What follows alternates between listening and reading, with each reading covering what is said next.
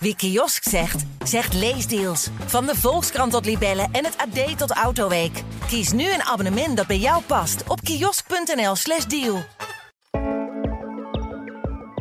Dit is Ondertussen in de Kosmos, de podcast van de Volkskrant, waarin we alles en iedereen door een wetenschappelijke bril bekijken. Mijn naam is Tony Mudde en we gaan vandaag de tijd terugspoelen.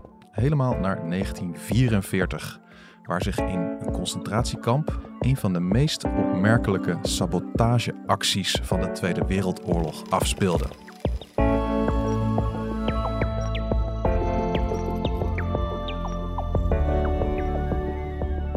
Gevangenen maakten daar een nepvaccin voor de Duitsers om zelf vervolgens het echte vaccin te krijgen. Hoogleraar Pim van Gol van Amsterdam UMC schreef hierover het boek Denkdwang, hoe Ludwig Vlek de nazi's misleidde. En hij zit hier nu achter de microfoon om ons daar meer over te vertellen. Ook achter de microfoon Ellen de Visser, onze medische redacteur, die ook veel over de oorlog schrijft. Ik begin met u, meneer Van Gol. Hoe raakte u geïnteresseerd in dit verhaal? Dat gaat heel ver terug. In de jaren tachtig wees mij iemand op de naam van Vlek. Ja. En toen ik zijn boekje las, raakte ik gefascineerd. En die fascinatie heb ik eigenlijk altijd vastgehouden. Mhm. Ik heb me altijd over verbaasd dat er nooit een Nederlands artikeltje of een podcast bijvoorbeeld Ja. eh, over hem verschenen is. En toen dacht ik, nou, ik doe het zelf. En Ja. moet- moeten we meteen even zeggen, Vlek, wie was dat? Vlek is een eh, Poolse Joodse arts die een belangrijke belangstelling had voor de wetenschapsfilosofie. Hij bedreef zelf wetenschap, maar hij vond het ook interessant om over de dagelijkse praktijk van de wetenschap te schrijven. En mijn fascinatie kwam onder andere voort uit het feit dat zijn inzichten, die hij in 1935 publiceerde, eigenlijk toegepast heeft in Boegwald onder druk van de SS. Om daar de nazi's te misleiden. En Ja. hoe dat gegaan is, daar gaan we zo meer over horen. En dit speelde zich dus allemaal af, deze sabotageactie in concentratiekamp Boegenwald. Auschwitz, denk ik, dat de meeste mensen weten meteen wat het is. Westerbork in Nederland, denk ik ook wel. Boegenwald was voor mij iets minder bekend. Wat was dat voor kamp, Ellen? Ja, dat is toch wel een heel groot concentratiekamp. Vlakbij Weimar, Mhm. een beetje ten zuidwesten van Leipzig. Bedoeld voor politieke gevangenen aanvankelijk. Dus tegenstanders van het regime. Maar uiteindelijk kwamen daar ook heel veel Joodse mensen terecht. Roma, Sinti, homoseksuelen. Ik moest het wel even opzoeken. Er zijn- hebben 240.000 mensen gevangen gezeten. Mhm. Van wie er ruim 56.000 zijn overleden. Het was geen kamp met een gaskamer. Maar een kamp waar mensen overleden door ja, honger, ellende, uitputting. Hè. Er werd heel veel dwangarbeid, moesten de gevangenen doen. Ja. In de steengroeven onder andere, de wapenindustrie. En de laatste cijfers heb ik ook nog even nagekeken. Er hebben 4100 Nederlanders gezeten, voor zover bekend. Oké. En in dat jaar waar we het over hebben, 1944, was er dus behalve al die ellende van de oorlog en ellende in het concentratiekamp, ook nog een uitbraak van de vlekkentyfus. Flectiefus, ja, dat was volgens mij was dat ook al eerder. Dat begon eigenlijk al voor de oorlog. Waren er Ja, uitbraken. zeker. In de jaren 10, 20, 1910, 1920 was flectifus eigenlijk een epidemie. Door heel Europa, door de slechte hygiënische omstandigheden, onder andere. Vooral ook in de ghetto's, in Warschau en ook in Lemberg zelf. Maar ook in de concentratiekampen, de vernietigingskampen, onder de gevangenen. Maar ook onder de weermacht. Want flectifus wordt overgebracht door de kleerluis. En die heeft een voorkeur voor natte kleren. En, en natuurlijk die soldaten van de Weermacht, die hadden zware uniformen. En die konden zich ook niet goed wassen natuurlijk. Ja. En de- hun kleren niet wassen. Dus ook onder de Weermachtsoldaten woekerde die epidemie. En het is een ziekte die wordt overgebracht door een bacterie. Ja. En die huist dus in de kleerluis. Niet te verwarren met de hoofdluis. Ja, En eh, mensen worden geïnfecteerd doordat ze gebeten worden door een kleerluis. Of gestoken, hoe zeg je dat? Gebeten, denk ik. Ja, de, de bacterie houdt zich op in het darmstelsel van de kleerluis. Ja. Dus in de uitwerpselen ook van de kleerluis. En als dat indroogt en als er een wondje is bijvoorbeeld en je krabt jezelf, dan word je en geïnfecteerd stel, door de bacterie. en stel ik krijg de vlektyfus, wat gebeurt er dan met me? Dan krijg je onmiddellijk van mij wat antibiotica en dan is het geen probleem. Alleen Dat was het eh, toen nog in niet natuurlijk. de jaren Nee. 40 waren die antibiotica er niet meer. Nee. Dus het is eigenlijk een ziekte die ook door de hygiëne, kleerluizen komen nauwelijks meer voor. En door de behandeling van antibiotica is die gewoon helemaal verdwenen eigenlijk. Maar toen, Ja, die bacterie kwam in de bloedbaan, kwam bij alle organen. Mensen kregen hoge koorts. Hallucinaties ook. Hè? Ja. Eh, Vlekken, denk ik ook. vlekken Anders op de huid. Ja. En ik, ik las dat het sterftepercentage echt in de kampen en in de ghetto's waar mensen natuurlijk onder erbarmelijke omstandigheden uitgeput Je was al waren. verzwakt. Ja. 80% sterftepercentage. 80%? 80, ja. Ik- Margot en Anne Frank zijn aan flectyfus overleden in Bergen-Belsen bijvoorbeeld. En nou ja, oké, daar, moet daar moest een vaccin voor komen. Dan zou ik zeggen, dat doe je ergens bij een farmaceutisch lab of misschien op een universitair academisch ziekenhuis. Maar toen kwamen de Duitsers met het plan, laten we dat in een concentratiekamp gaan maken. Waarom in hemelsnaam? Dat is wel een beetje een ingewikkeld verhaal. Die bacterie die vlektyfus veroorzaakt. En vlektyfus heeft helemaal niets te maken met de naam Ludwig Vlek. Mhm, Dat, ja, eh, dat is gewoon Even toeval. voor Ja. de record. Ja. Die is heel moeilijk te kweken in gewone laboratoriumbakjes. Dus daar moet je ingewikkelde trucs voor uithalen om die bacterie te kweken. Om materiaal in handen te krijgen waarmee je een vaccin kan maken. vaccin, voor een vaccin, daar moet je natuurlijk de ziekteverwekker voor hebben. Want die spuit je uiteindelijk in, verzwakt of ja, gedood, stukjes geknipt. zodat het immuunsysteem dat kan herkennen. Dus Ja. je- daar begint elk vaccin mee. Wa- Wat is de ziekteverwekker? Ja. Ja. Nou was er in Parijs een hele ingewikkelde methode ontwikkeld. Mhm. Dus dat was al uitgevonden, hoe je dat zou kunnen doen zonder kleerluizen te houden. Dat is ook wel gepoogd. Een methode waarbij de bacterie van muizen in een cavia, van een cavia in een konijnenlong wordt overgeplant om voldoende volume bacteriën te krijgen. Mhm. Dus de Duitsers dachten dat kookboek, dat is in Parijs gemaakt. We nemen dat kookboek onder de hand en dat laten we uitvoeren in een werkkamp, Boegewald Ja. in een speciaal gebouwde barak met een extra omheining, want ze bleven enorm bang voor infecties. En daar werden gevangenen verzameld met een beetje biomedische achtergrond, maar dat moet je licht opvatten. Dat was een student biologie, bijvoorbeeld een Nederlandse student biologie waar Vlek naar verwijst. Maar ook gewoon een banketbakker uit Wenen, die handig was in ik. de keuken. Ja. De gymleraar Ook heel veel verstand van Ja, biologie. Ja. Absoluut. ja, Ja, eh, ja. Je verwijst naar Jan Robert, Amsterdammer. Die was gymleraar, maar hij verstrekte ook massages voor de SS. En dan zit je al een beetje in de medische hoek in SS-ogen. Ja, ja. Ja. dus zo had hij ook een plaatsje in dat blok 50, waar dat laboratorium Dus het gevestigd idee was, het academisch plan was er al. Het moet gewoon uitgevoerd worden. Hier hebben we, nou ja, ik, gechargeerd gezegd, gratis arbeidskrachten. Als ze ook nog een beetje verstand hebben van biologie, dan moet dat lukken. Dat, Ja, dat, dat wa- was de dat was het plan. Maar in wezen Mhm. toch in bacteriologisch opzicht leken. Ja, precies. En nou, bij het maken van het vaccin, er speelden drie mensen een hoofdrol. Laten we ze even één voor één afgaan. De, we hebben de SS-kamparts Erwin Ding. Ja. Spreek het goed uit? Erwin Ding? Ja, gewoon ding, Ja. zeg maar. Ja. Ook in het Duits is ding een ding. Een ding, ja. En dat stoorde hem heel erg. Hij was een bastaardzoon van een baron, von Ja. Schula, ja. maar opgenomen in een pleeggezin omdat zijn moeder vroeg overleed. Mhm. Het gezin Ding. En hij had altijd een grote aversie tegen die achternaam. Dus hij heeft ook zijn hele leven naar gestreefd om Schuler genoemd te worden. Dan wel Ding Schuler. En die naam heeft hij heel veel gebruikt. En aan het eind van de oorlog krijgt hij ook officieel de naam Schuler. En hij ziet dan ook een kans om eh, zich te verstoppen eigenlijk onder die naam. Uiteindelijk slaagt hij daar niet in. Mhm. Maar dat was een man met een hele beperkte medische opleiding ja. door iemand als Ludwig Vlek, die uiteindelijk ook in Boegwald terechtkomt, werd hij beschouwd als iemand met een, wat hij noemde, een oorlogsdiploma. Waarmee Vlek bedoelde, ja, dat heeft hij een beetje makkelijk verkregen op grond van zijn SS-verbinding. En was dit ja, bij een SS, denk ik meteen aan een bulachtig figuur. Was die dat of niet?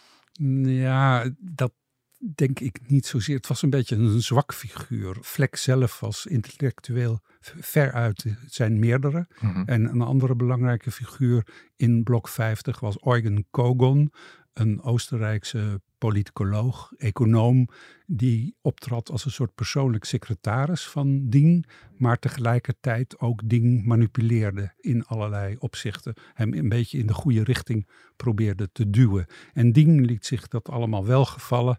Die zegt heel vaak op de motorfiets naar zijn gezinnetje in Weimar, zodat de gevangenen in blok 50 redelijk autonoom hun gang konden gaan. Voor hem was wat er in blok 50 gebeurde ook een manier om hogerop te komen. Hij hoopte daarmee wetenschappelijk aanzien te verwerven. Absoluut. Ja, Ja, ja, ja. Hij liet artikelen schrijven, deels door Kogon, wat natuurlijk wel opvallend is, want dat ging, zij waren artikelen over geneeskundige onderwerpen. Kogon heeft zich daar ook over verbaasd dat zijn bijdrage zo gemakkelijk werd geaccepteerd door wetenschappelijke tijdschriften.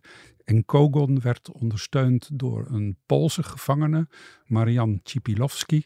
Eh, dat was gewoon een algemeen arts met enige expertise op het gebied van tuberculose. Dus die drie waren eigenlijk heel belangrijk in blok 50. Het hoofd van het laboratorium, formeel Erwin Dien. Ja. Eugen Kogon als persoonlijk secretaris van Dien. En Marian Cipilowski die eigenlijk de leiding had op de werkvloer. En dan hebben we er nog even samengevat. We hebben dus de, de SS-kamparts Erwin Ding. Niet al te snuggere man, als ik het zo mag zeggen. Met toch een medisch papiertje. Die denkt zo van, nou, als ik hier met deze gevangenen, waar er een aantal beter van op zijn geleid dan ik, een vaccin kan maken, dan, dan maak ik naam. Dus dat is goed voor mij. En dan was er ook nog een Nederlandse student die daar rondliep. Bernard Tresor. Ja. Wie was dat? Van wie natuurlijk tot jouw boek niet bekend was wie dat was. Dat heb jij ontdekt. Ja, in een artikel wat Vlek schrijft in een terugblik in 1946, Mhm. beschrijft hij die toestand in dat blok 50 en dan verwijst hij geanonimiseerd naar een Nederlandse student biologie. Ja. En altijd dacht ik, ik moet nog eens uitzoeken wie dat geweest is. Nou, uiteindelijk met veel vijven en zessen gelukt. En ik heb contact weten te leggen met zijn jongste dochter. Mhm. En die bleek te beschikken over albums, laboratoriumjournaals en een fotoboek uit die tijd in blok 50. En dat Ja. is eigenlijk wel uniek materiaal. Want voor een deel is dat verhaal al grotendeels bekend over wat er in blok 50 gebeurde. Maar dat was eigenlijk nooit echt visueel met beelden vastgelegd. Hij heeft er echt een plakboek van gemaakt ook. Hè? Foto's en heeft hij stukjes tekst getypt op een typemachine. Ja. En die heeft hij eronder geplakt. Dus het is echt een beeldverslag. Exact. Ja. Ja. Bijzonder dat Heel het bewaard is gebleven uit die tijd. Ja. Ja, dus Van een gevangene notabene. Ja. Maar hij heeft zelf die foto's gemaakt. Hij heeft zelf denk ik de foto's gemaakt en de onderschriften getypt. Dat is duidelijk te zien. En uiteindelijk na de oorlog eh, netjes gedocumenteerd. Ja. ja. En altijd bewaard, hè? En altijd bewaard. Ja, en hij heeft het dus ook overleefd. Hij heeft het overleefd, inderdaad. Ja. En, ja, en toen werd er dus in dat kamp een nepvaccin gemaakt. Hoe, hoe ging dat? ja, in de loop van 43 gaat men echt aan de slag in dat blok 50, in dat laboratorium. En tegen het einde van 1943, in december, lijkt het te lukken om de bacterie in handen te krijgen. Niet letterlijk, maar om voldoende bacteriën te hebben om een vaccin te gaan maken. Ja. Omdat het werk eh, langzaam vorderde, besloot de SS om Ludwig Vlek vanuit Auschwitz met een personenauto naar Boegewald te brengen om het werk nog wat eh, sneller te laten gaan en meer succesvol te laten Zie zijn. je dat voor je? Een Joodse arts die uit Auschwitz wordt opgehaald in een personenauto. Dus die wordt Naar Boegenwald die gebracht. wordt dus voor, voor door de poort van de dood wordt hij daar weggehaald. Onder het motto, we kunnen jou nog wel nuttig inzetten. Want jij kan misschien wel helpen met het maken van een vaccin. Zo zal het gegaan zijn. En hij heeft bij het verlaten van Auschwitz heeft hij ook bedongen, heel waarschijnlijk, dat zijn echtgenote en zoon, die op dat moment ook in Auschwitz gevangen zaten, om die te vrijwaren van de gaskamers. Dus Vlek komt aan januari 1944 en de gevangenen laten trots hun experimentele resultaten zien. En Vlek kijkt door de microscoop en alles wat hij ziet is niet de bewuste bacterie. Dus hij heeft meteen door van, jullie denken wel dat je die bacterie te pakken hebt. Maar dit is hem gewoon niet. Dit, dit zijn gewoon wat korreltjes, kleurstof. Dit zijn celbestanddelen die jullie zien, die, die jullie foutief aanzien voor de bacterie. En even om het te schetsen. En op dat moment staat er een, oppernatie naast hem. Met van, meneer Vlek hebben we hier de... de...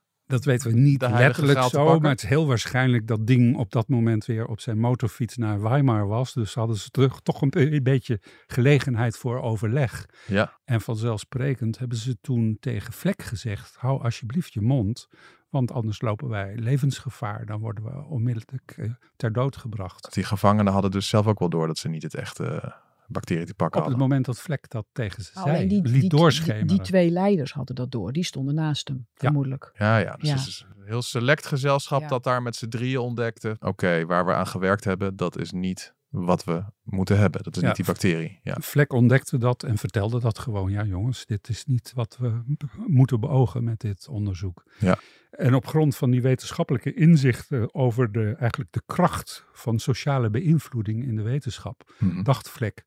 Van nou, hier kunnen we goed mee wegkomen als we nu maar onze witte laboratoriumjassen aanhouden en het glaswerk in het laboratorium goed gepoetst houden en gewoon net blijven doen alsof we een vaccin aan het maken zijn, dan zal de SS dat wel geloven. Dat besloot hij dus echt gewoon op dat moment eigenlijk. Ja, laten we dit gewoon meespelen.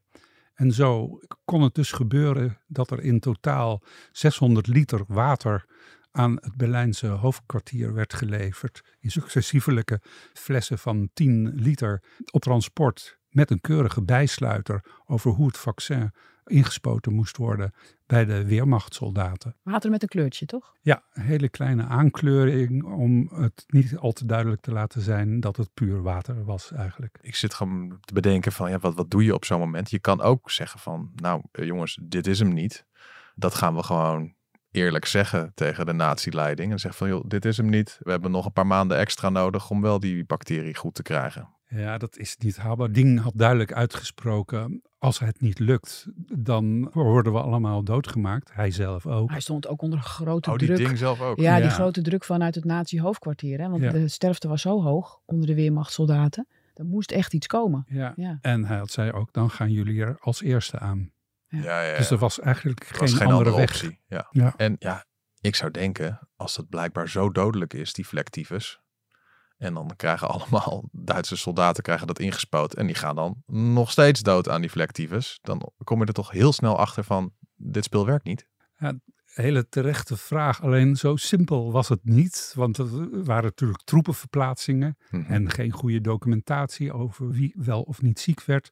Een vaccin hoeft niet 100% effectief te zijn natuurlijk. Ja. Maar toch, je hebt gelijk. Rees af en toe de verdenking. Dat goedje wat uit Boegewald komt, werkt dat wel als vaccin? ja. En op dat, dat moment ging men dus naar Dien als leider van het lab. Of formeel verantwoordelijke van het lab. En op dat moment kon die groep in blok 50 hele kleine hoeveelheden van een daadwerkelijk werkzaam vaccin aanleveren. Waar ze in de loop van 1944 in slaagden om dat te maken. Maar te weinig om zoveel te maken. Hè? Het was heel Absoluut. moeilijk. Het was heel moeilijk. Ja. Het grote probleem bij vaccins is altijd wat dan heet de opschaling. Om het echt in grote hoeveelheden te maken. Dus ze hadden een heel klein beetje werkend goedje, zo gezegd. Dat gebruikten ze voor elkaar, voor andere gevangenen.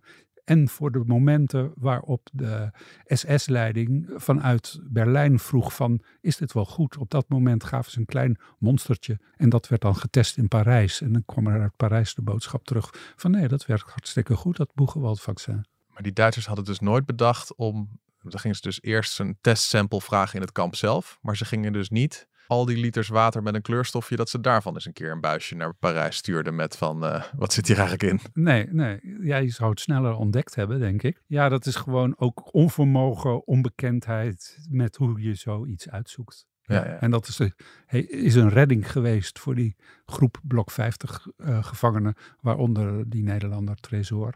En hoe groot was nou die groep die hier aan werkte? Hebben we dan, dan hebben we het waarschijnlijk over tientallen mensen, toch? Ja. Van die gevangenen die daar aan werkten. Ja, 50 à 60, wisselend natuurlijk in de loop van de tijd, maar slechts drie of vier mensen wisten van dat verraad. Ja, want dat vroeg De- ik me ook af. Zaten die dan allemaal in het complot? Dat lijkt me echt eh, heel ingewikkeld. Nee, Flex schuifelde zo'n beetje door het laboratorium en die liet eigenlijk iedereen in het ongewisse, ook om ze te beschermen.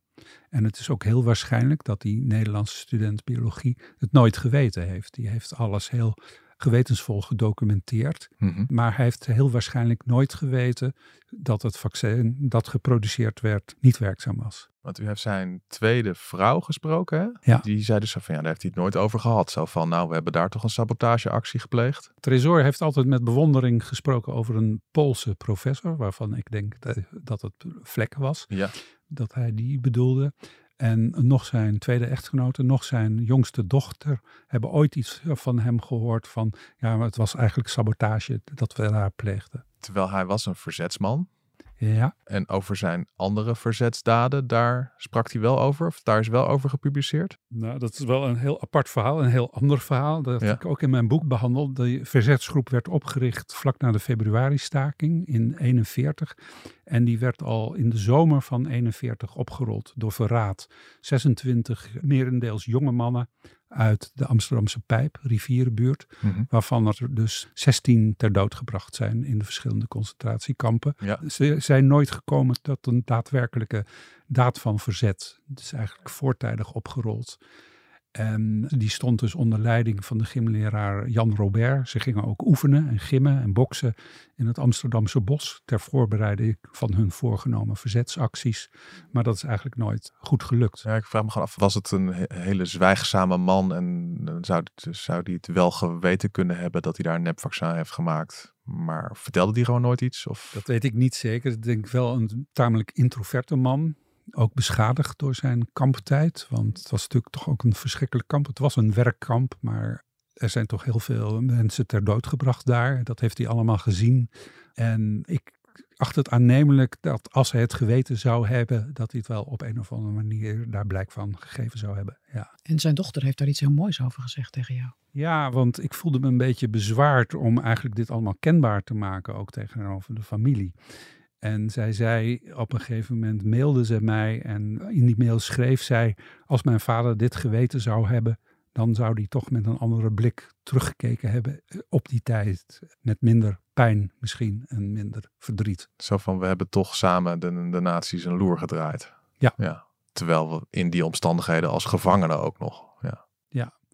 Op het moment dat hij daar zat, deed hij gewoon heel netjes zijn werk. Mhm. En heeft hij dat ook gedocumenteerd, zodat we nu eigenlijk extra bewijs hebben over wat zich daar heeft afgespeeld. Er zaten dus maar een stuk of drie in het complot. En de rest deed gewoon zijn werk en dacht zo van, nou, we zijn hier blijkbaar bezig met het maken van een goed vaccin. En dan kreeg je een ander buisje in de handen. Nou, die is voor jou, voor jouzelf. Je geloofde dat. Ook door die autoriteit van die Poolse arts.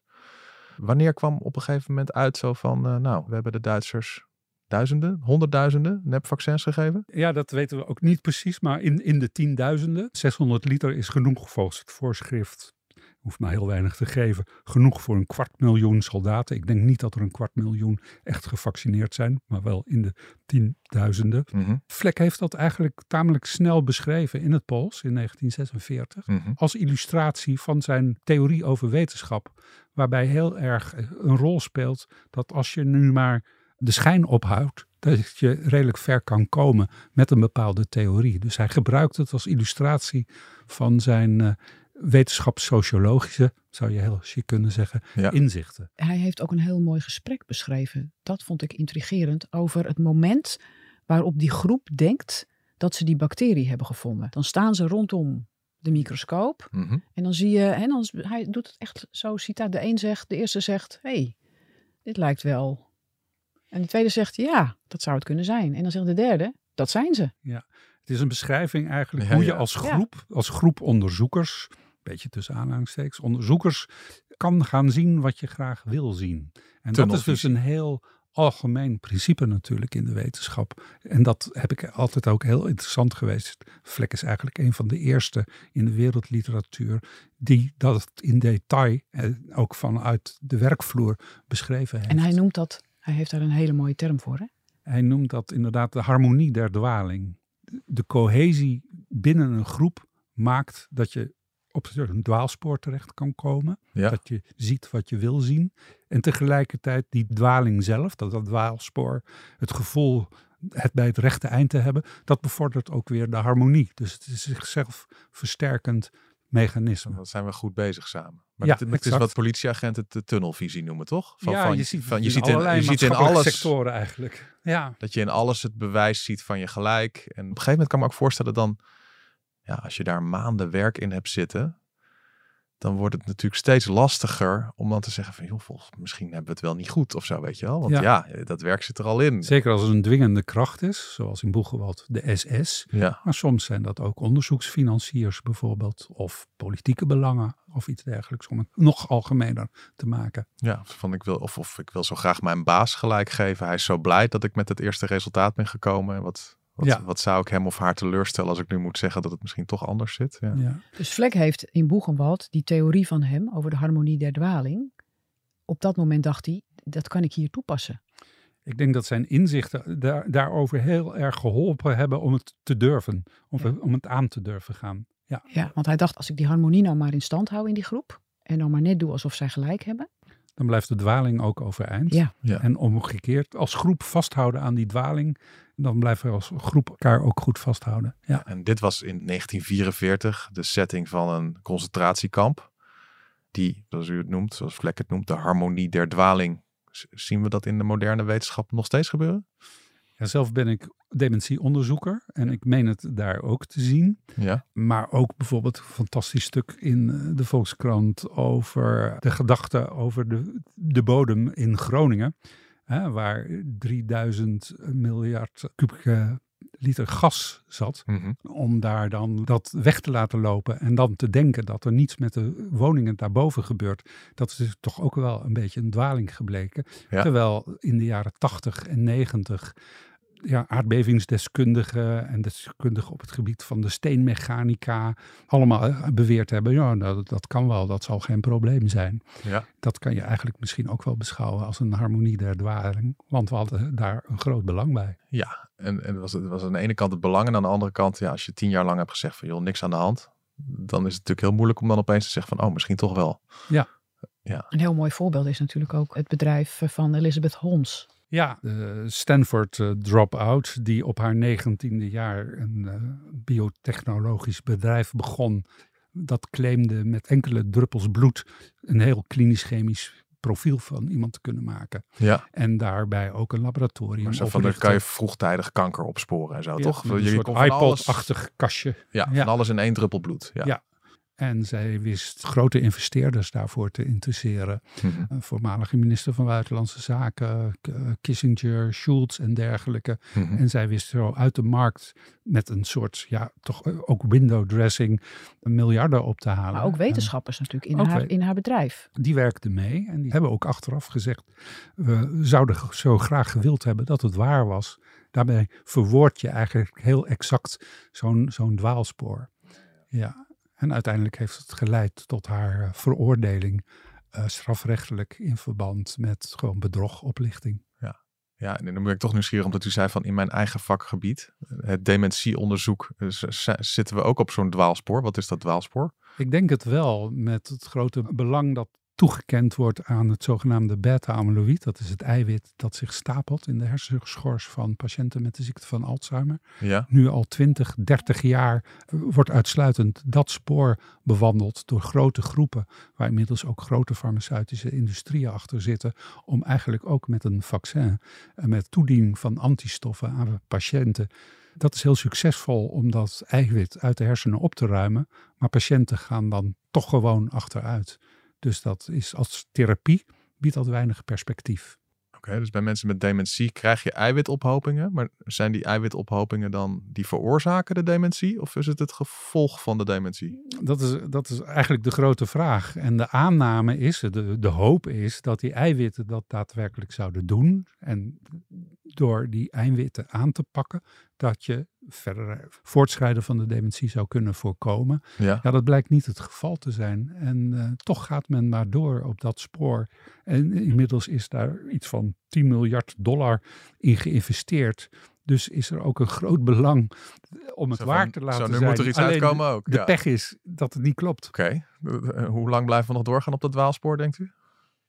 Dat zou best nog eens een tijdje door kunnen gaan. Maar goed, er zijn dus ook wel tegenkrachten die andere wegen proberen te bewandelen en te onderzoeken. Ja. En dat zal afhangen van die strijd tussen die verschillende scholen. En, wat denkt u dat als de eiwitplak-gelovers het, het werk van meneer Vlek zouden lezen? Zouden ze dan denken, oeh, Het zou wel helpen, denk ik. Het zou wel helpen, ja.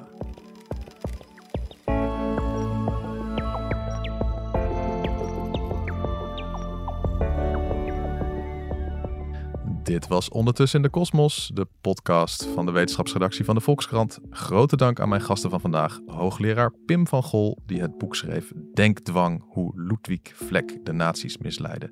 En dank aan mijn collega van de wetenschapsredactie, Ellen de Visser, medisch redacteur. Mijn naam is Tony Mudde. Graag tot de volgende keer.